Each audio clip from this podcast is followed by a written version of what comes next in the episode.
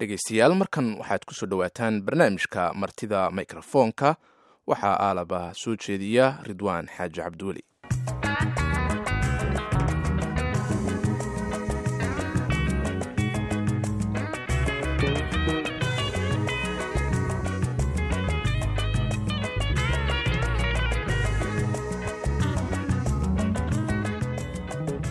ku soo dhowaada dhegaystayaal barnaamijka martida mikrofoonka oo toddobaadkan aanu uga hadli doonno xiriirka u dhexeeya dalalka soomaaliya iyo tanzaniya soomaalida ku nool dalkaas iyo guud ahaan ganacsiyada ay halkaasi ka wadaan.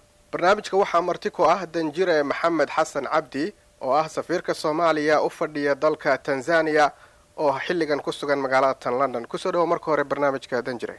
Aada iyo aad baad mahadsan tahay ridwan waana runtii kaaga mahad celinaya adiga iyo bahda v o edaba aad baad umahadsan tahay waayahay danjire waxaan rabaa bal marka hore inaad sharaxaad guud naga siiso dalka tanzaniya waa dal noocee ah? Soomaalida ku nool guud ahaan maxaase lagu qiyaasaa ridwan dalku runtii waa dal aada u ballaadhan waana dalalka aynu xidhiidhka soo jireenka ah aynu wada lahayn. Dalku dadka ku nooli dad runtii soomaaliyeedoo aada u ballaadhan baa ku nool anagu aan runtii qabnaba in marka laga yimaado kenya inuu dalka labaad yahay. Dadka ku noolina runtii waa saddex qaybood oo qayb iyadu timid xilligii ingiriiska timid oo dee dadkan aynu naqaano soomaalisu jooga oo runtii aada u ballaadhan ah. Iyo qayb ah intii dalku uu burburay timid oo xilligii sagaashanadii ku horreysay. Iyo qaybta saddexaad oo ah dad investors ah ama maal gashaday oo ka yimid yurub iyo maraykanka ka yimid weeye. Marka guud ahaan runtii dee ganacsi aada u ballaadhan baa ka socda. Runtii ganacsiga ay soomaalidu ku leedahayna waa ganacsi la taaban karo oo xataa dowladda tanzania runtii marka aan madaxda ka sheekaysano ay aada u qiraan aada ugu honwen yihiin aadna u soo dhaweeyaan haddaan kaaga warramo runtii dhinaca xataa xagga siyaasadda dadkaa hore ee soomaaliyeed ee de hore yimid oo lagu qiyaaso inay generationkii shanaad hadda ay marayaan xilal kala duwan ayay dalka tanzania ka hayaan oo runtii xilalka ugu waaweynaya ugu muhiimka waxa weeyaan xisbiga talada haya oo kontonkii sannadood ugu dambeeyay hadda talada hayay oo loo yaqaano c c m ninka xogayaha guud u ah ama secretary generalka waa nin soomaaliyeed oo lagu magacaabo cabdiraxmaan kaynaan oo raggii runtii dalka aada looga jeceliya ka mid ah waxaa kaloo aanu runtii magacaabi karaa dhinaca baarlamaanka. Hadda intaan anigu hadda ogahay dowladdan cusub ee ugu dambeysay baarlamaanka ilaa hadda laba qof oo soomaaliyeed baa ku jira. Counsulada iyo kuwaasna runtii waabay ku badan yihiinba. Marka runtii kaalin aada u qiimo leh oo xoogan bay dadkaasu dee ka kaga jiraan tanzania waayahay marka la eego dadka soomaalida aada sheegtay dhinacii ganacsiga dhinacii siyaasadda inay dalka guud ahaan ka dhex muuqdaan. See dalka looga arkaa dadka soomaaliyeed ee xilliyada kala duwan dalkaas soo gaadhay iyo kuwa cusub ee maybe ama ay suuragal tahay inay ganacsiyo iyo shaqooyin mar dhow bilaabeen. Wallahi waxa aan runtii kuu magacaabi karaa iminka dhowaan markii aan warqadahaygii aan madaxweynaha runtii iga guddoomayay oo aan aada u sheekaysanay ayaa iyadoo si la wada fadhiyo oo golo fara rag fara badan oo madaxdayna ay la fadhiyaan ay madaxweyne wuxuu gaar ahaan uga sheekeeyey in marka uu yaraa gurigiisa guriga ku xigay inuu nin soomaaliyeed oo ganacsatadii uu lahaa ninkaa ganacsiga ahi xoolahu ka shaqayn jiray iyo hilibka. Sida uu ninkaasu wax u tari jiray madaxweynaha maanta iyo sida u moogtay ayuu ka sheekeeyey. Iyo soomaali ahaan iyo tanzania sida loo wada koray marka runtii haddaan taa ka gudbo yani taas waxay ku tusaysaa xidhiirka ay leeyihiin dadka tanzaniyanka ah ilaa madaxweynihii iyo dadka dee dalka ku soo noolaa ganacsigana waxaa runtii la yaab leh oo aada ugu hanwen yihiin dadkii yimid dee sagaashanada yimid maanta waa milyaneero ee jooga tanzania halse ay lacagta u sameeyeen sida ay u shaqeeyaan sida ay tagaska u bixiyaan weliba taasoo runtii ay aada u soo dhaweeyeen in ay soomaalidu aanay ahayn dad meel fadhiista ay yihiin dad shaqo. Taasuna runtii waa kaalin la taaban karo oo dalka laga aqoonsan yahay. Waayahay aan u gudubna marka dhinaca siyaasadda. Marka la eego labada dal soomaaliya iyo tanzania oo hadda adiga aada safiir ka tahay xiriirkooda intuu la egyahay ayay kula tahay?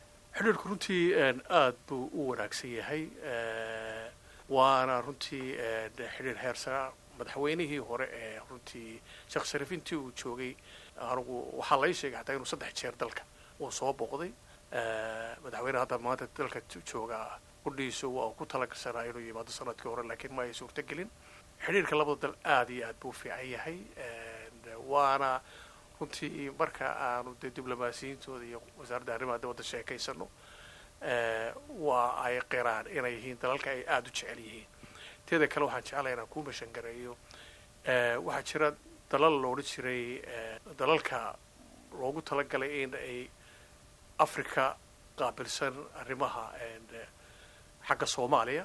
Dalka qura ee ku jiray wuxuu ahaa tanzania innaga soomaali ahaan. Dalalka kale o dham europeans bay ahaayeen.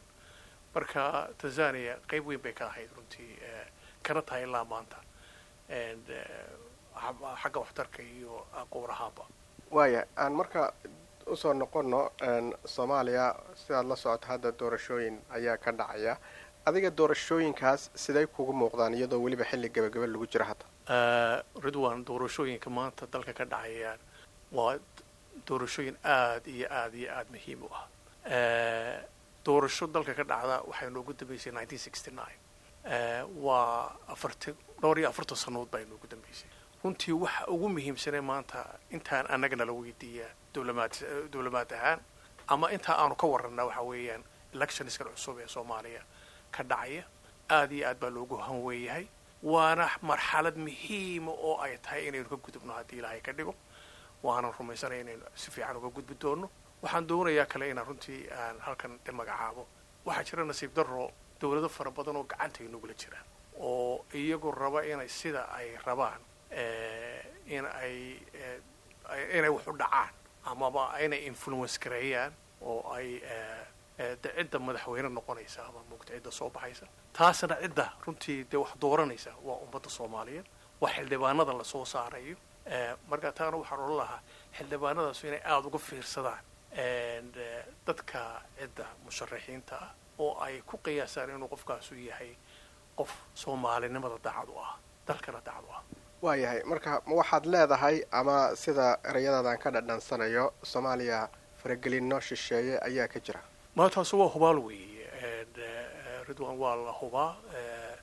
Faragelino shisheeye oo aada u fara badan oo weliba aan gabasho lahayn ayaa jirta. Annaguna dee markaan diblomaad ahaan diblomaadku dalka gudihiisana wuu ka war waa inuu ka warhayaa dabadiisana waa inuu ka warhayaa annaga shaqadayada weeyaan runtii inaanu had iyo jeernaa waxaa la yidhaha country report waxa la yidhaha waanu bixinaa. Dalka waanu ka warranaa. Waxaa dalka ka socda intaa waa la soconnaa. Marka waa hubaal weeye inay dowlado ama jaarkeena ha noqdaan ama kuwa kale dowladaha kale inagu xeeran ha noqdaan ama qaar kale oo runtii dee dana gaara kalehiya inay waa hubaal inay inay gacantay loogula jiraan. Weliba si cad oo aan gabasho lahayn. Taasna ay u baahan tahay in aada looga fiirsado oo weliba xildhibaannimada xildhibaanada iyo de dowladdaba marka la doorto runtii waa la dhaariyaa oo kitaab dee qur'aan kitaabkaa lagu dhaariya inay dalka daacad u yihiin. Marka in la fahmo inaanu kitaabku ahayn in gacanta la saaro keliya laakiin inay hubiyaan dalka cidda u soo baxaysa inay tahay cidda dalka daacadnimadeeda daacad u ah oo faragelinta shisheeye ah runtii ay aada uga fiirsadaan waayahay ma aaminsan tahay in sanadda labada kun iyo labaatanka dadka soomaaliyeed ay fursad u heli karaan inay cod dhiibtaan oo ay doortaan cidda matalaysa heerkay doontaba ha ahaatee heer tuulo heer magaalo ilaa iyo guud ahaan dalka. Waan aaminsanahay runtii waa marxaladaan runtii maraynaa marxaladda aynu maanta ku jirna ayaa horta aada u muhiima inaynu ka baxno. Dalku sida aynu ognahay dee federal baa laga dhigay maamul goboleedyaa la sameeyey aan qabo inay wax aada u fiican ay ahayd aanay tahay. Runtii dowladda maanta dalka joogta uu hogaaminayo madaxweynaha mudane xasan oo isaguna runtii kaalin weyn ka qaatay inuu dalku federal noqdo waa wax runtii lagu diirsado weeye. Taasuna waata inoo keenaysa hadhowto inaynu u gudubno inaynu one man one vote inaynu galno ama dee nin waliba codkiisa uu ku dhiiban karo tuu rabo waayahay aad iyo aad baa umahadsan tahay danjire maxamed xasan cabdi. Intaas ayaan ku soo gebagabeynayaa dhegaystayaal barnaamijka martida mikrofoonka oo toddobaadkan aan ku waraysanayay danjiraha soomaaliya u fadhiya dalka tanzaniya danjire maxamed xasan cabdi. Inta mar kale aynu kulmi doono waa ridwaan xaajiyo idinleh sidaa iyo nabadgelyo